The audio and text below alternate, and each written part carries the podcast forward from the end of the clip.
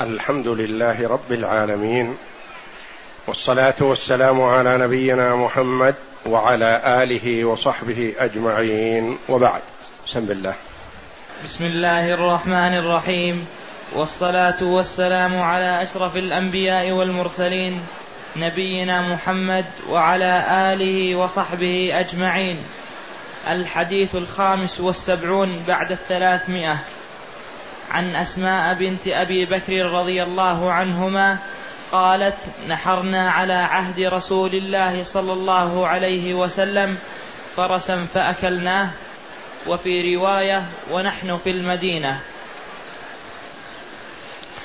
هذا الحديث في الصحيحين وفي غيرهما عن أسماء بنت أبي بكر الصديق رضي الله عنهما يعني عنها وعن أبيها. وهي زوج الزبير بن العوام وأم عبد الله بن الزبير والملقبة بذات النطاقين رضي الله عنها وأرضاها.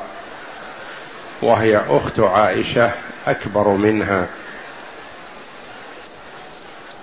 قالت نحرنا على عهد رسول الله صلى الله عليه وسلم فرسا فأكلناه.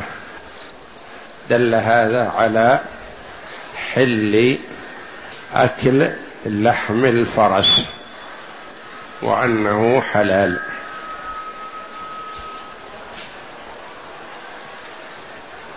وفي رواية ونحن في المدينة. هذه الرواية ترفع الإشكال الذي وجد عند بعضهم حيث قال إن حل أكل لحم الفرس نسخ. لأن أكل لحم الفرس مثلا كان حلال حينما كانوا في مكة قبل الهجرة. ولما هاجر النبي صلى الله عليه وسلم من مكة إلى المدينة وفرض الله الجهاد حرم أكل لحم الفرس لحاجه المسلمين إليها إلى الجهاد في سبيل الله.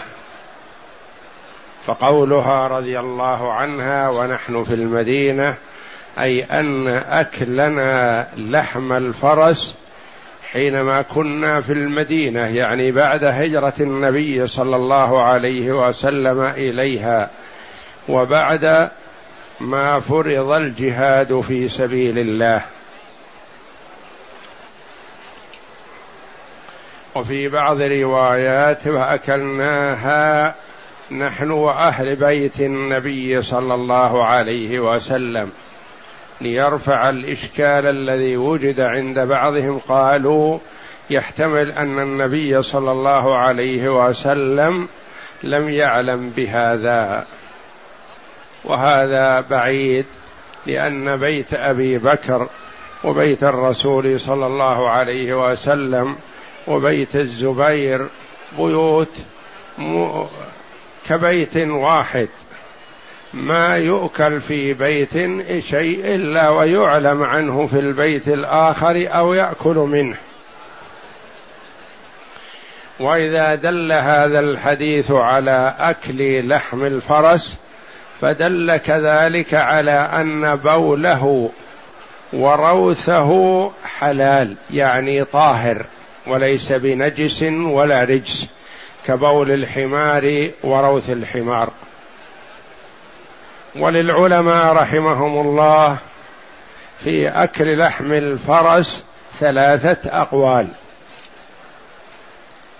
القول الأول الحل مطلقا وقال به الإمام الشافعي والإمام أحمد وجمع من العلماء رحمهم الله بهذا الحديث وبغيره من الأحاديث الدالة على حل أكل لحم الفرس. القول الآخر الكراهة. وقال به الإمام أبو حنيفة والإمام مالك. قالوا يكره أكل لحم الفرس لأجل الا يقع الناس في ذبح الفرس فيفنى. فيكون فيه الكراهة توفيرا له. لا تحريما وإنما توفيرا له عن الذبح حتى لا يفنى لأن الناس في حاجة إليه للجهاد في سبيل الله كما قال الله جل وعلا واعدوا لهم ما استطعتم من قوة ومن رباط الخيل ترهبون به عدو الله وعدوكم. فقالوا بالكراهة. وقال بعض العلماء من أتباع أبي حنيفة وأتباع الإمام مالك رحمة الله عليهم بالتحريم. وما وجه التحريم؟ قالوا قياسا على الحمر والبغال. لأنها تشبه الحمر وتشبه البغال. ولأنها قريبة منها ولأن الله جل وعلا قال في الآية الكريمة والخيل والبغال والحمير لتركبوها وزينة.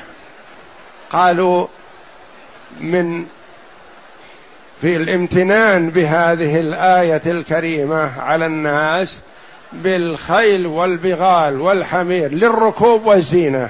ولو كانت الخيل مثلا مباحة الأكل لذكر جل وعلا نعمة الأكل. لأنها نعمة عظمى لا تقل عن نعمة الركوب والزينة. ولكن هذا القول تعليل مقابل نص. وهذه الآية التي فيها الامتنان هذه مكية بلا إشكال. والأحاديث الواردة في أكل لحوم الخيل كانت في المدينة. فلو كانت الخيل محرمة الأكل بهذه الآية أو بغيرها لما أكلت في المدينة بعد هجرة النبي صلى الله عليه وسلم.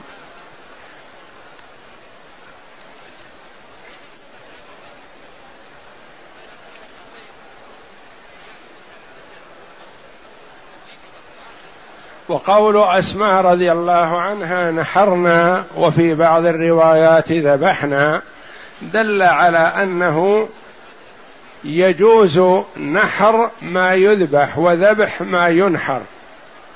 فالتي تنحر هي الإبل والنحر هو أسفل الرقبة.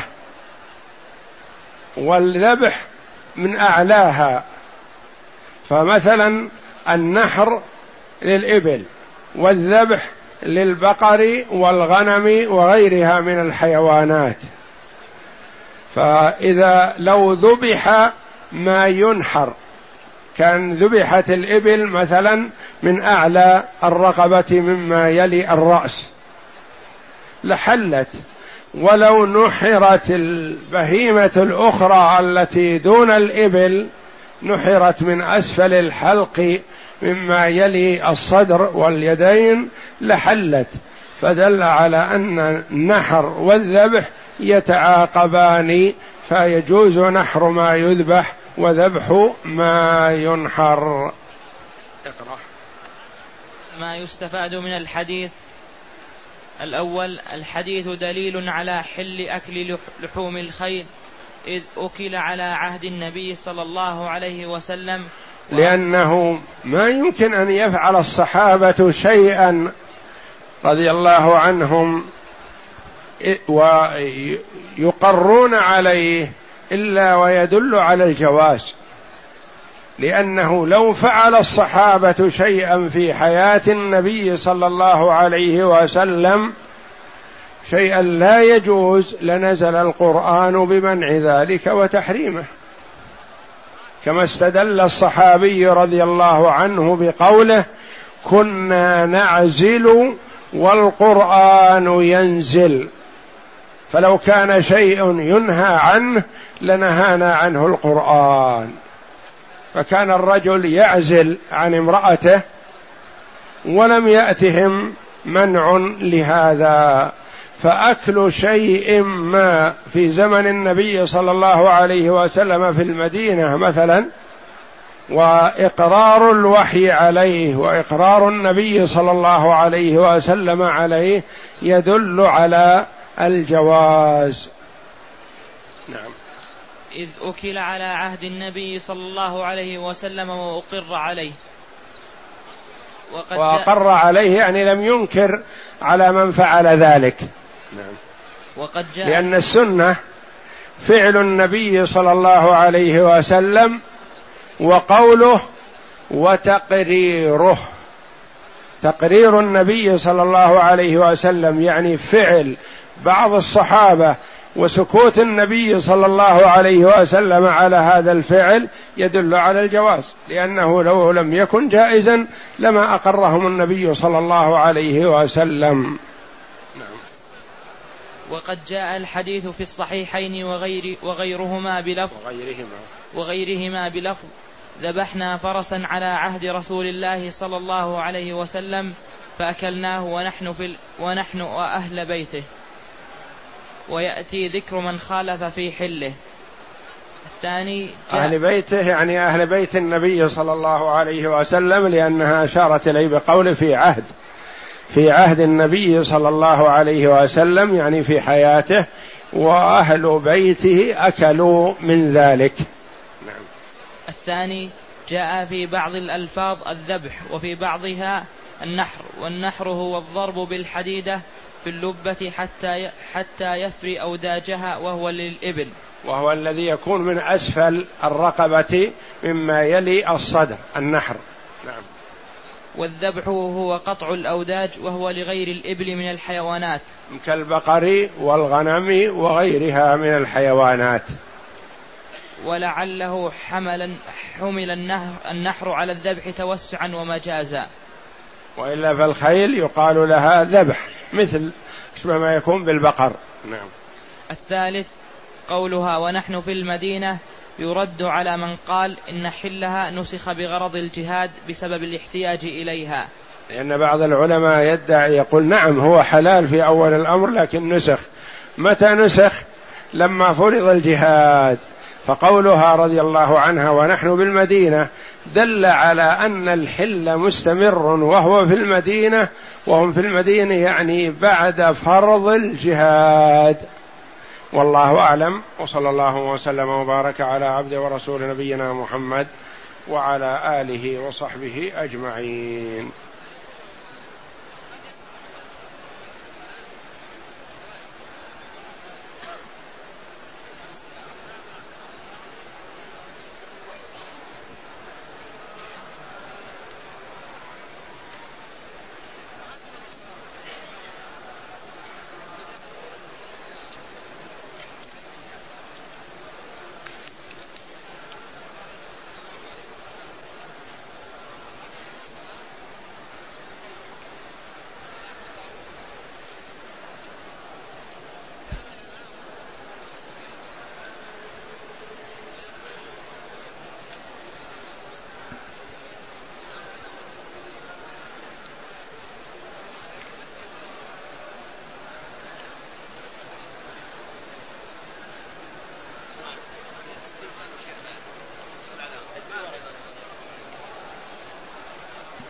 يقول السائل هل يجوز صلاة المنفرد خلف الصف وحده أو أي مكان في الحرم في صلاة الجنازة؟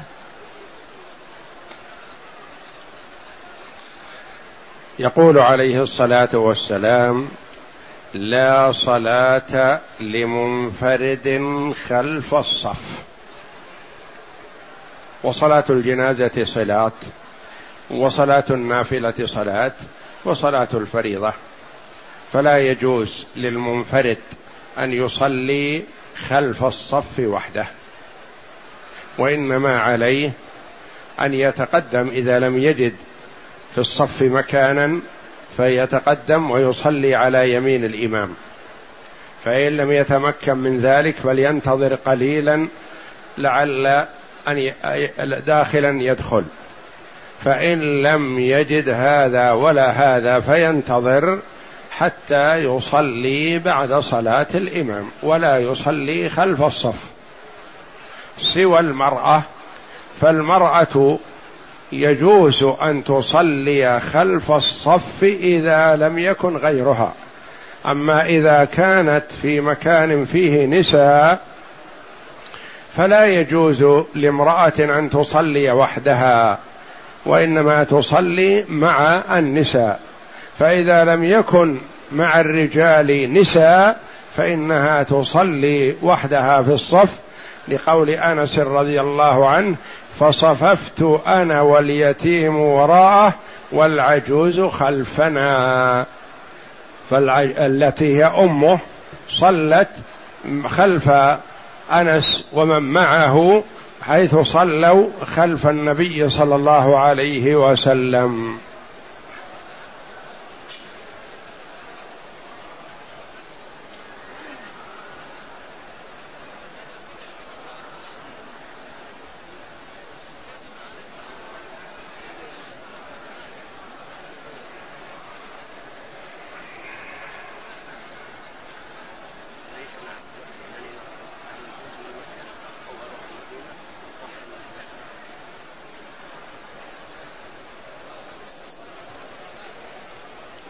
يقول السائل جدتي خالة أمي أي أخت أم أمي هل أنا محرم لها وهل أسلم عليها؟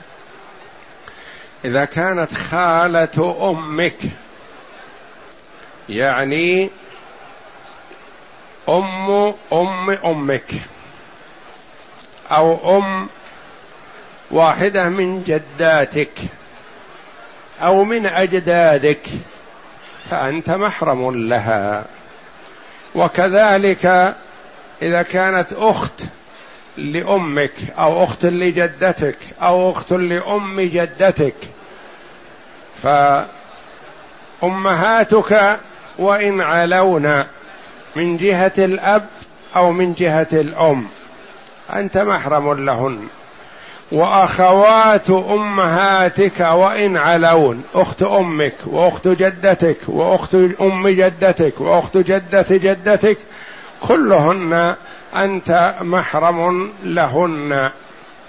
لأن الله جل وعلا ذكر المحارم فقال حرمت عليكم أمهاتكم وإن علونا وبناتكم وإن نزلن بنت بنت بنتك مثلا.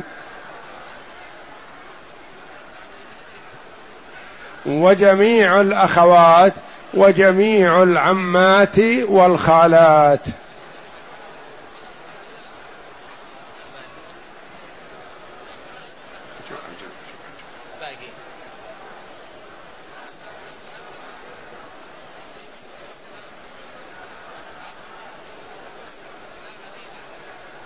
يقول السائل جدة زوجتي هل أنا محرم لها وهل أسلم عليها؟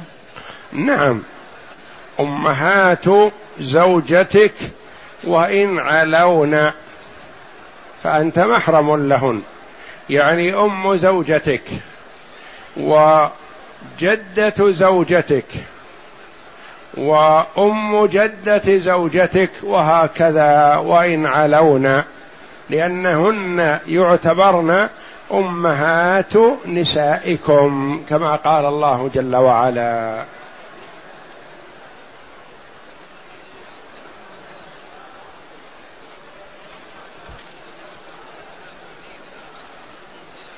يقول السائل ما حكم البيع والشراء بعد طواف الوداع في الحج والعمرة؟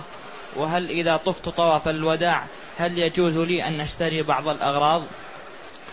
كره بعض العلماء لمن ودع أن يشتري شيئا للتجارة. وأما أن تشتري شيئا لحاجتك أو حاجة أهلك أو حاجة رفقتك في السفر فهذا لا بأس به. وإنما الشيء الذي للتجارة هو الذي كره بعض العلماء رحمهم الله شراءه.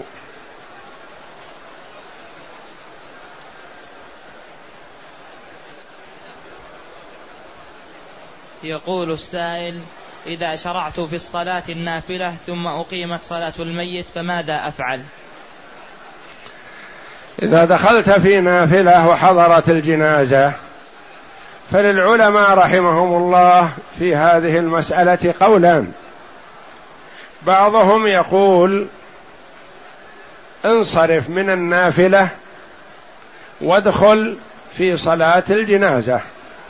لأن صلاة الجنازة تفوت والنافلة ممكن أن تأتي بها بعدما تسلم من صلاة الجنازة. وبعض العلماء رحمهم الله يقول استمر في صلاتك ولا تقطعها لأن الله جل وعلا نهى عن إبطال العبادة بعد الشروع فيها. يقول تعالى ولا تبطلوا أعمالكم. ولعل الأولى أن يتمها خفيفة يتم النافلة التي شرع فيها خفيفة ليدرك صلاة الجنازة ولو في آخرها.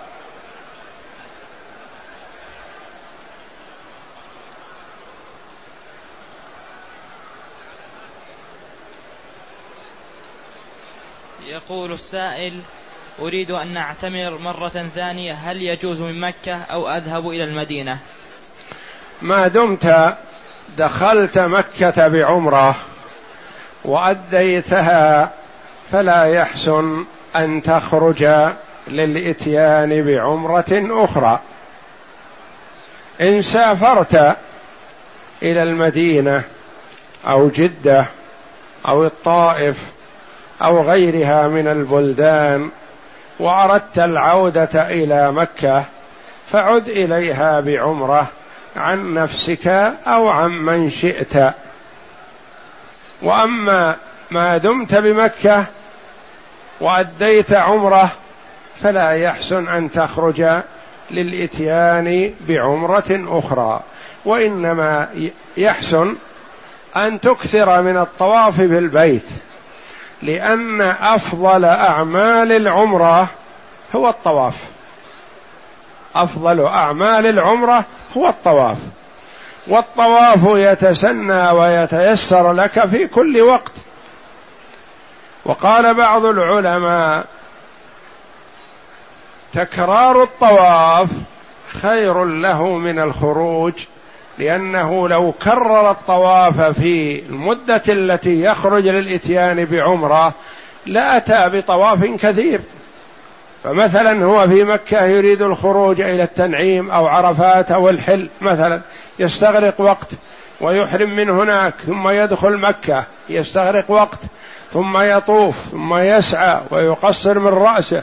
فهذا الوقت الطويل لو استغرقه في الطواف كله لكان خيرا له. ما دام حديث عهد بعمرة فلا يكرر العمرة وإنما يكرر الطواف. لأنه لو طفت بالبيت ثم صليت ركعتين ثم طفت بالبيت وصليت ركعتين ثم طفت بالبيت وصليت ركعتين لكان خير. ولا أحد ينكر عليك في هذا. هذا عمل طاعة. مثل ما تستمر في الصلاة في غير وقت النهي. تصلي مثلا من طلوع الشمس وبعد ارتفاعها قدر رمح إلى أن تقف الشمس في وسط السماء. تصلي. الوقت وقت مباح للصلاة. تصلي من بعد صلاة الظهر إلى العصر. كل هذا وقت مباح للصلاة للتنفل. تصلي من بعد صلاة العشاء إلى طلوع الفجر. كل هذا وقت للصلاة. كذلك الطواف. الطواف وقته أوسع من وقت الصلاة. لأن في الصلاة في بعض أوقات وقت نهي. وأما الطواف فلا ينهى عنه في وقت من الأوقات. يقول صلى الله عليه وسلم يا بني عبد مناف لا تمنعوا أحدا طاف بهذا البيت وصلى فيه أي ساعة شاء من ليل أو نهار. أي ساعة شئت تطوف صل ركعتين تطوف صل ركعتين وهكذا. فلا تكرر العمرة وأنت بمكة. أما إذا سافرت من مكة مثلا لزيارة المسجد النبوي ثم أردت العودة من المدينة إلى مكة فنعم أحرم من ميقات أهل المدينة وادخل مكة بعمرة. سافرت لغرض من الأغراض مثلا في الطائف في جدة وانتهى غرضك واردت العودة إلى مكة تعود إليها بم... تعود إلى مكة بعمرة نعم لا بأس عليك.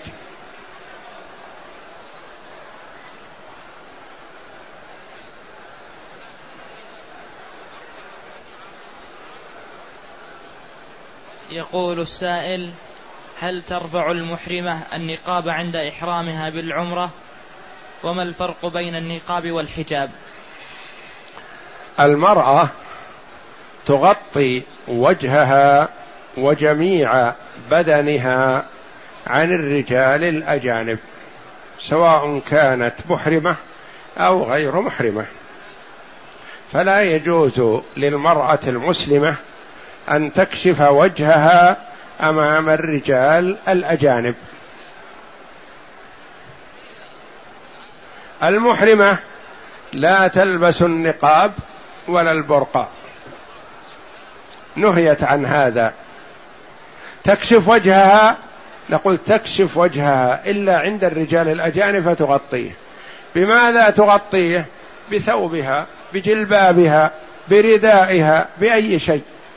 إنما نهيت عن لبس البرقع والنقاب. مثل القفازين. نهيت عن لبس القفازين. تغطي يديها بعباءتها بثوبها بردائها بما معها. ما تنهى عن تغطية اليدين بل تؤمر بتغطية اليدين لكن لا تغطيهما بالقفازين. كذلك لا تغطي الوجه بالبرقع والنقاب وإنما تغطيه بما تيسر لها. والحجاب الشرعي هو تغطية الوجه وجميع البدن. بعض الناس يقول هذه المرأة محتجبه يعني إذا غطت شعرها وأبرزت وجهها. وهذه في عرف الشرع تكون سافرة ما هي محتجبة المحتجبة التي غطت وجهها وغطت جميع بدنها عن الرجال الأجانب.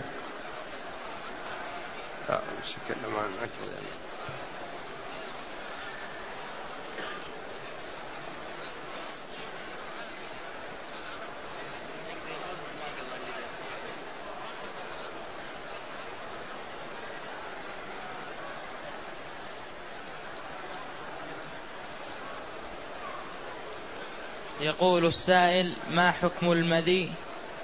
هل يجب غسله أم يكفي رشه بالماء إذا كان على الملابس؟ ما يخرج من ذكر الرجل أو فرج المرأة البول والمذي والودي والمني. وهذه كلها نجسة سوى المني. فالمني طاهر ولا ينجس الثوب ويجب الاغتسال منه. البول والمذي وهو الذي يخرج عند تحرك الشهوة والودي وهو الذي يخرج مثلا عند البرد أو مع الإرهاق أو نحو ذلك يخرج ماء أبيض. هذا ودي وهو نجس. ويوجب الوضوء ويغسل أثره. ما يكفي فيه الرش بل يجب غسله لأنه نجس. و ولا يوجب اغتسال المذي والودي وإنما يوجب الوضوء. فالمني طاهر ويجب الاغتسال منه. تقول عائشة رضي الله عنها كنت أفركه من ثوب رسول الله صلى الله عليه وسلم يابسا وأنضحه رطبا ثم يصلي فيه. اليابس تفركه ويزول والرطب تنضحه بالماء حتى تذهب يذهب أثر لزوجته. ويصلي فيه النبي صلى الله عليه وسلم. فهو طاهر لأنه منه ينشأ الولد بإذن الله. ومنشأ الولد ما يكون نجس.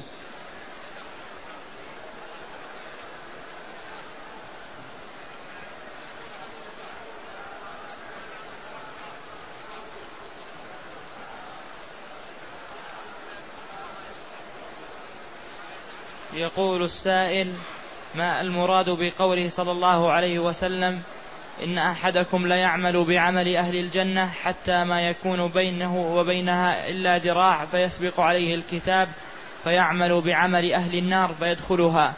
وهل قد قدر الله أهل الجنة وأهل النار؟ هذا الحديث صحيح. ويجعل المسلم على خوف وعلى وجل وعلى تضرع إلى الله يختم له بالخاتمة الحسنة. والنبي صلى الله عليه وسلم قال إنما الأعمال بالخواتيم. وكان صلى الله عليه وسلم من أكثر دعائه اللهم يا مقلب القلوب ثبت قلبي على دينك. وقالت عائشة رضي الله عنها يا رسول الله إنك كثيرا ما تدعو بهذا الدعاء. أو تخاف? قال أو ما علمت يا عائشة أن قلوب العباد بين أصبعين من أصابع الرحمن إذا أراد أن يقلب قلب عبد قلبه. فالمسلم يسأل الله جل وعلا حسن الختام. يتضرع إلى الله ويخاف من سوء الخاتمة. وقد جاء أن الرجل يعمل بالطاعة ستين سنة ثم يجور في وصيته فيستحق النار والعياذ بالله. والمؤمن المسلم المؤمن ما يامن على نفسه لأنه قد ينحرف في آخر حياته. قد يكره ما أوجب الله عليه ويمتنع من فعله. قد يفعل ما حرم الله عليه ويسارع إلى فعله فيختم له بسيء عمله والعياذ بالله فيستحق النار. فيجعل المسلم دائما وأبدا يسأل الله جل وعلا حسن الخاتمة. إنما الأعمال بالخواتيم. فيتضرع إلى الله جل وعلا ويسأله الثبات. يسأله الثبات وكما قال الله جل وعلا يثبت الله الذين آمنوا بالقول الثابت في الحياة الدنيا وفي الآخرة. فالمؤمن الذي من الله عليه بالإيمان والإخلاص له يثبته الله جل وعلا. وأحيانا ينحرف العبد ويزل وفي آخر حياته يختم له بسيء عمله والعياذ بالله. يكون مسلم مثلا يصلي ويصوم فيقع في الخمر بالعياذ بالله ثم يموت وهو سكران.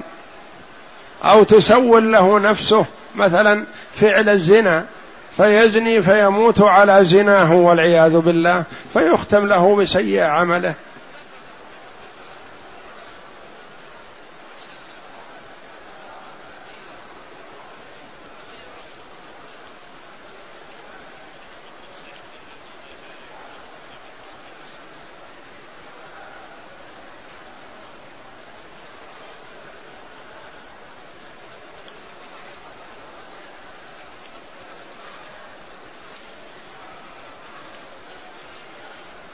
يقول السائل هل الطفل هل الطفل الصغير غير المميز يقطع الصف؟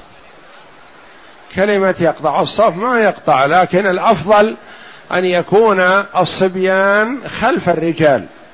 فالنبي صلى الله عليه وسلم رتب الصفوف في الصلاة.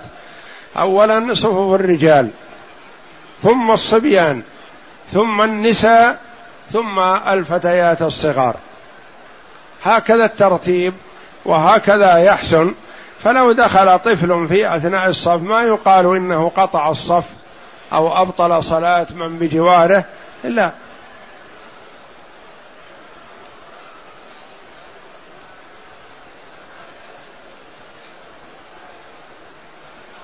يقول السائل بالنسبة لوجوب صلاة الجماعة هل على تاركها إثم وإن صلى منفرد؟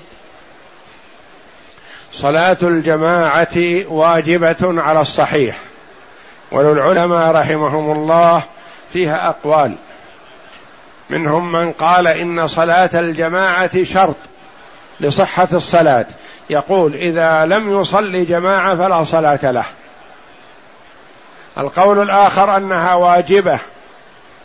يعني يجب على الإنسان أن يأتي بها فإن تخلف لغير عذر أثم.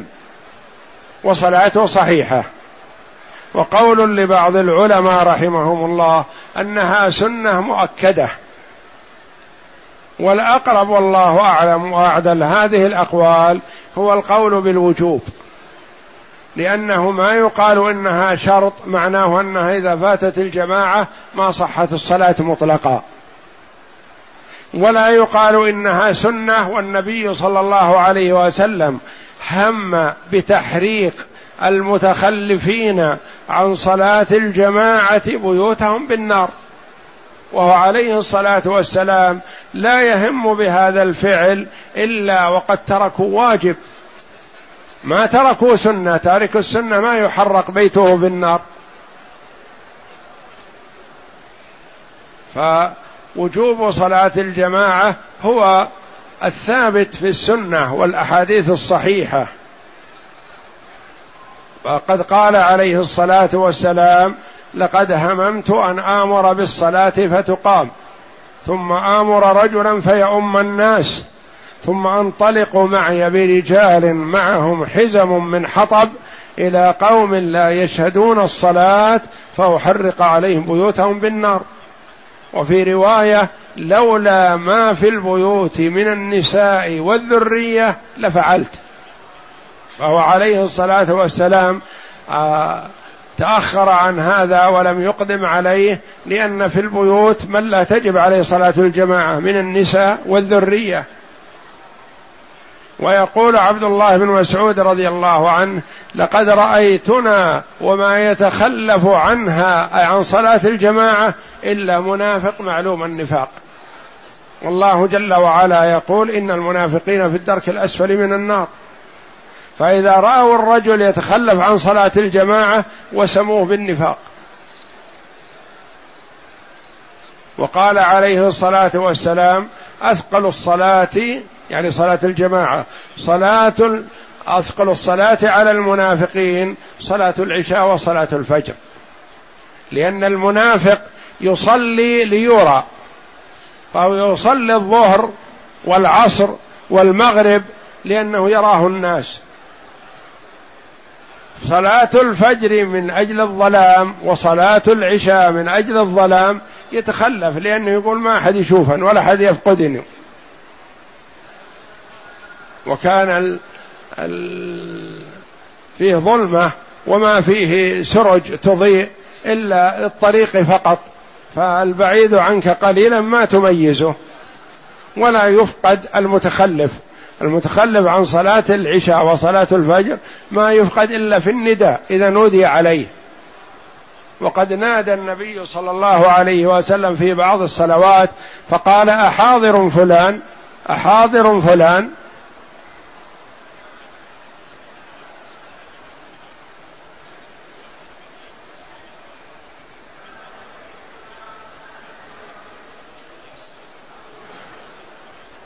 يقول السائل أنا في صلاة في صلاة النفل ودخل معي رجل في نية صلاة الفريضة هل صلاته صحيحة؟ يصح هذا على قول بعض العلماء رحمهم الله لأن الصحيح أنه يجوز أن يصلي المفترض خلف المتنفل يعني جئت للمسجد فوجدت واحد يتنفل فدخلت معه في نيتك أنت فريضة لأن معاذ بن جبل رضي الله عنه كان يصلي مع النبي صلى الله عليه وسلم صلاة العشاء ثم يذهب إلى قومه فيصلي بهم صلاة العشاء. فينتظرونه رضي الله عنه لأنه كان أقرأهم للقرآن ويحب أن يصلوا خلفه فينتظرون حتى يأتي. فيصلي بهم وهو قد أدى الفريضة مع النبي صلى الله عليه وسلم. ويصلي بهم تلك الصلاة. له هو نافلة ولهم فريضة. فدل على جواز صلاة المفترض خلف المتنفل. مثلا دخلت فوجدت الإمام في صلاة التراويح وأنت لم تصلي العشاء. فدخلت معه. فإذا سلم من الركعتين قمت وأكملت صلاتك الرباعية مثلا. يصح هذا وإن كان الإمام متنفل وأنت مفترض.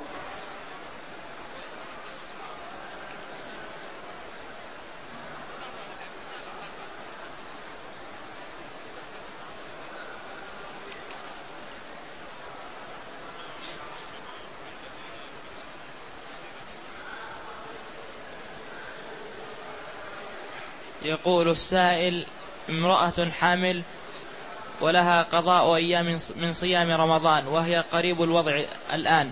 هل إذا خافت على نفسها أو فيما بطنها تصوم بدون ترتيب؟ قضاء رمضان موسع والحمد لله.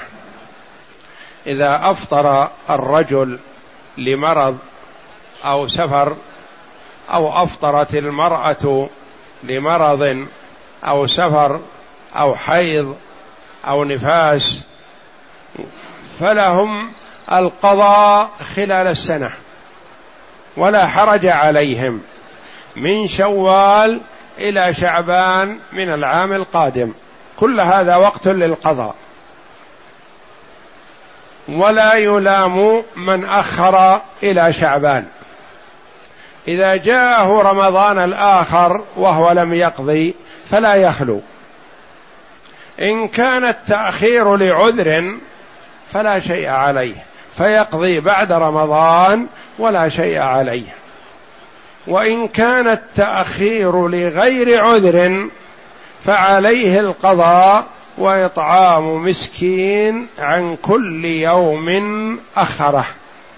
فمثلا امرأة عليها قضى من رمضان.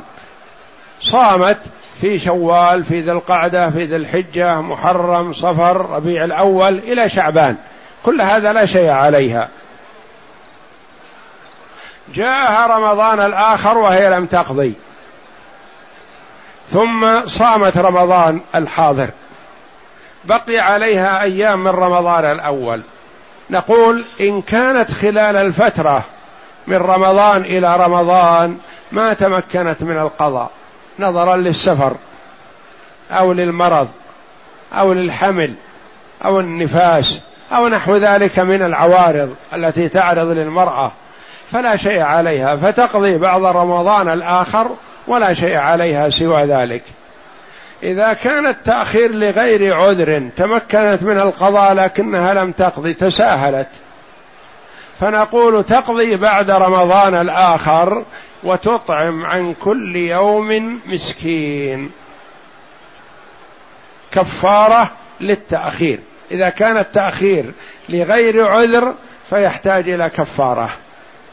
وإن كان التأخير لعذر فليس عليها إلا القضاء ولا يلزمها كفارة.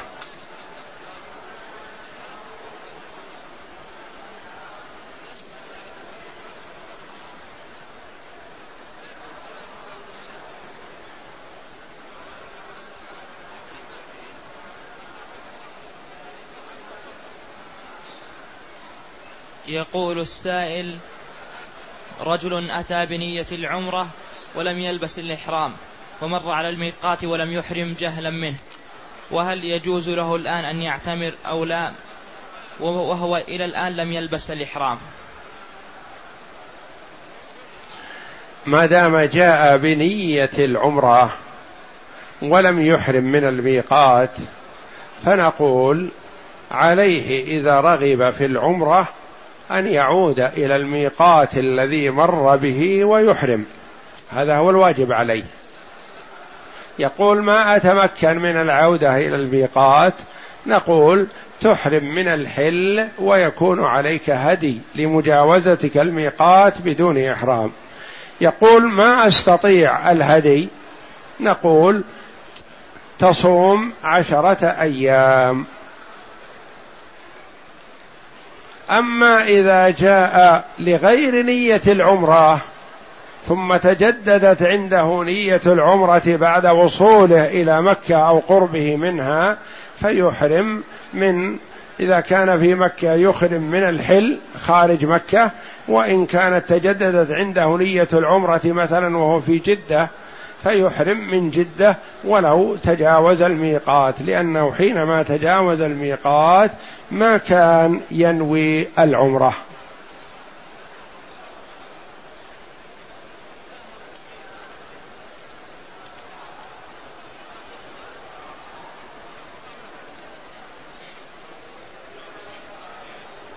يقول السائل ما حكم تشقير الحواجب أي صبغها بلون البشرة من أطراف الحواجب. هل حكمه حكم النتف؟ الواجب على المسلمة أن تتقيد بتعاليم الإسلام وبما عليه مظهر المسلمات. فإذا كان هذا تقليد للكفار فلا يجوز لأن النبي صلى الله عليه وسلم نهانا أن نتشبه بالكفار. وإذا لم يكن في هذا تقليد للكفار فلا بأس بهذا لأن النبي صلى الله عليه وسلم نهى عن تغيير الشيب بالأسود. وأما تغيير الشعر بغير الأسود إذا لم يكن في ذلك مشابهة للكافرات فالأصل الحل.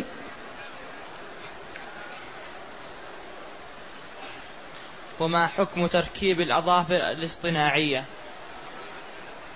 وهذا مثل الذي قبله. إذا كان في هذا مشابهة للكافرات فلا يجوز للمسلمة أن تعمله. وإذا لم يكن فيه مشابهة للكافرات وإنما هي مجرد ترى زينة والأظافر ليس فيها زينة. الأظافر ليس فيها زينة لأن المسلم والمسلمة مأموران بتقليم الأظافر الحقيقية.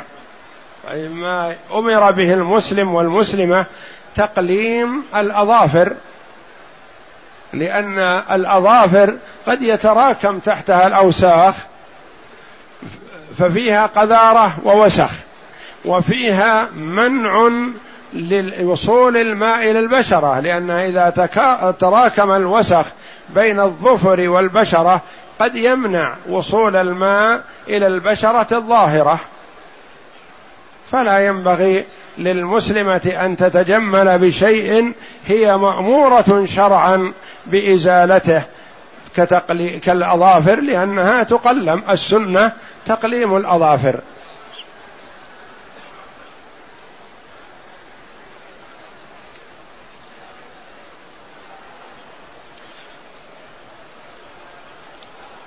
يقول السائل هل يجوز أكل لحم الكلب؟ أكل لحم الكلب حرام فهو محرم. والكلب نجس. والكلب إذا ولغ في الماء في الإناء يجب غسله سبع مرات. أولاهن بالتراب أو أخراهن بالتراب أو إحداهن بالتراب. يعني ما يكفي غسل ما ولغ فيه الكلب بالماء أبدا. لو غسل ثلاثين أربعين مرة يجب أن يكون معهن مرة بالتراب. لأن لعاب الكلب فيه لزوجة في الإناء وفيه قذارة وهذا يسبب أمراض كثيرة على البدن. فأمر النبي صلى الله عليه وسلم بإزالة هذا الأثر بالتراب لأن فيه خشونة وقوة فعلية تزيل ما في الإناء من أثر لعاب الكلب. وهو نجس ولحمه نجس ولا يجوز أكله. يقول السائل هل حجر إسماعيل من الكعبة؟ مقدمة الحجر من الكعبة ومؤخرته ليست من الكعبة. قال بعض العلماء من الكعبة ما كان إلى حد انحناء الجدار قبل أن ينحني الجدار هذا من الكعبة. بعد الانحناء يكون من خارج الكعبة وهو كما جاء ستة أو سبعة أذرع. لأن قريش لما أرادت بناء الكعبة أخذوا على أنفسهم أنهم لا يدخلون في البناء شيء محرم. لا مهر بغي ولا حلوان كاهن ولا شيء من الحرام. فجمعوا ما عندهم من الحرام فلم يكفي لبناء الكعبة كلها. فاقتصروا وأخرجوا الحجر منها لحكمة يريدها الله جل وعلا. ولما رغبت عائشة رضي الله عنها في أن تصلي في الكعبة قالت للنبي صلى الله عليه وسلم ذلك تقول فأخذ بيدي وأدخلني الحجر وقال صلي ها هنا. يعني هذا من الكعبة. فمقدمة الحجر من صلى في مقدمة الحجر مما يلي الكعبة فكأنما صلى داخل الكعبة لأنه من الكعبة. وما كان من آخر الحجر فليس من الكعبة يقول السائل إذا أصاب دم الغنم الثوب هل يجوز الصلاة فيه؟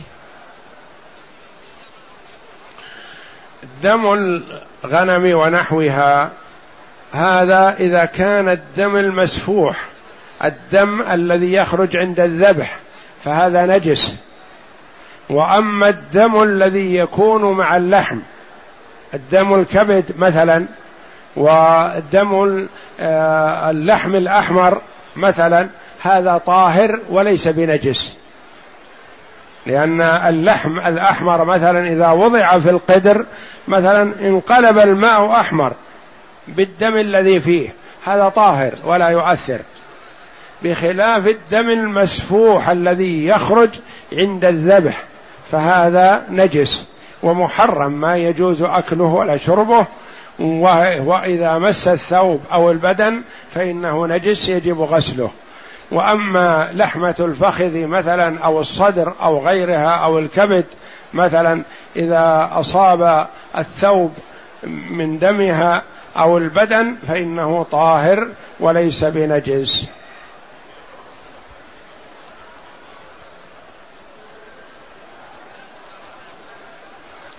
يقول السائل هل يجوز للأب أن يعطي زكاة أمواله إلى ابنه علما بأنه متزوج ولا يملك مسكن؟ لا ما يجوز للأب أن يعطي زكاة ماله لابنه لأن الإبن إذا قصرت به النفقة ولم يجد نفقة فيجب على الأب أن يعطيه النفقة أو يكمل له النفقة ولا يعطيه من الزكاة. لأن الأب يجب عليه أن ينفق على ولده إذا قصرت به النفقة. فلا يجوز أن يعطيه زكاة ماله.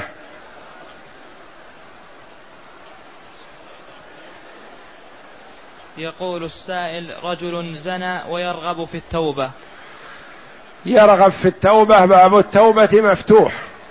والله جل وعلا يبسط يده بالليل ليتوب مسيء النهار ويبسط يده بالنهار ليتوب مسيء الليل. والله جل وعلا كما جاء في الحديث الصحيح يفرح بتوبة عبده. فعلى المسلم أن يتوب إلى الله جل وعلا فيما بينه وبين الله ولا يفضح نفسه ولا يخبر بهذا أحدا. يحسن العمل ويتوب إلى الله جل وعلا والتوبة من شروطها الإقلاع عن الذنب والندم على ما فرط منه والعزم على الا يعود إلى الذنب هذا مرة أخرى. فإذا تاب توبة صادقة فالله جل وعلا يتوب عليه. ولا يستعظم المسلم ذنبه مهما عظم في جانب عفو الله جل وعلا لكن عليه أن يبادر بالتوبة. والله يتوب على من تاب. وإذا وقع المسلم في ذنب فما ينبغي له أن يفضح نفسه ولا يخبر بذلك أحدا وإنما يستتر بستر الله جل وعلا ويستغفر الله ويتوب إليه والله يتوب على من تاب. يقول الله جل وعلا قل يا عبادي الذين أسرفوا على أنفسهم. أسرفوا على أنفسهم بماذا؟ بالمعاصي والذنوب والكبائر. لا تقنطوا من رحمة الله.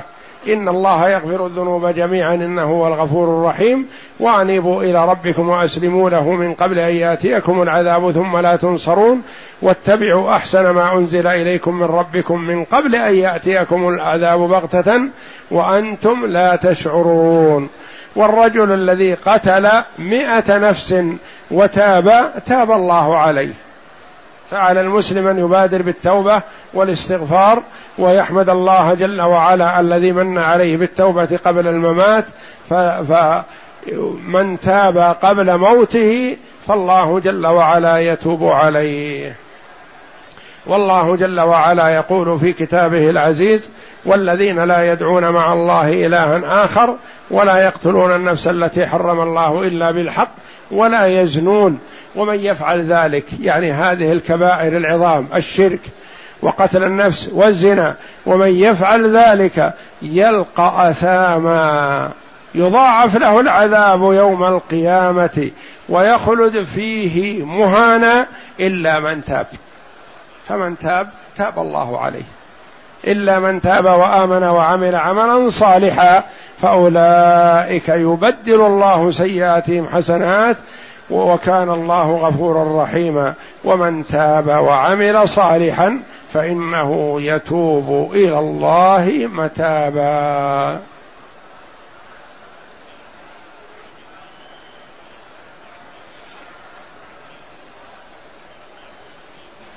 يقول السائل أنا من الرياض اعتمرت وأريد أن أعتمر عمرة عن أمي المتوفاة. ما دمت دخلت مكة بعمرة فما يحسن أن تخرج للإتيان بعمرة أخرى ولو أنها عن أمك وعن أبيك. وإنما تكثر من الطواف وتدعو لمن أحببت. وكما تقدم فإن سافرت إلى جدة أو المدينة لزيارة المسجد النبوي أو للطائف أو لغيرها ورغبت في العودة إلى مكة فيحسن أن تعود إليها بعمرة عن نفسك أو عمن شئت.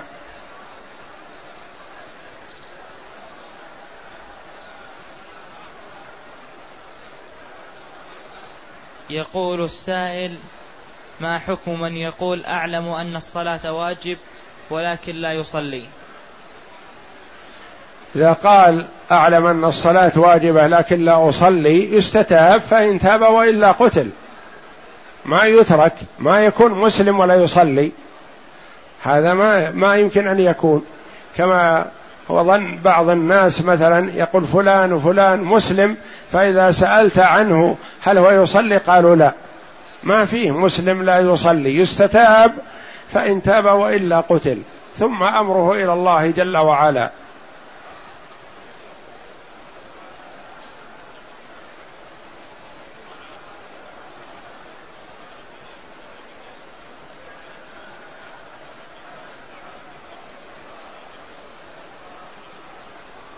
يقول السائل هل هذه الآية دالة على صلاة الجماعة؟ قال تعالى وإذا كنت بهم فأقمت لهم الصلاة فلتقم طائفة منهم. نعم لا شك أن هذه من أدلة وجوب صلاة الجماعة لأن الله أوجب الجماعة في حال القتال. فإذا كانت الجماعة واجبة في حال القتال ففي غير هذه الحال من باب أولى.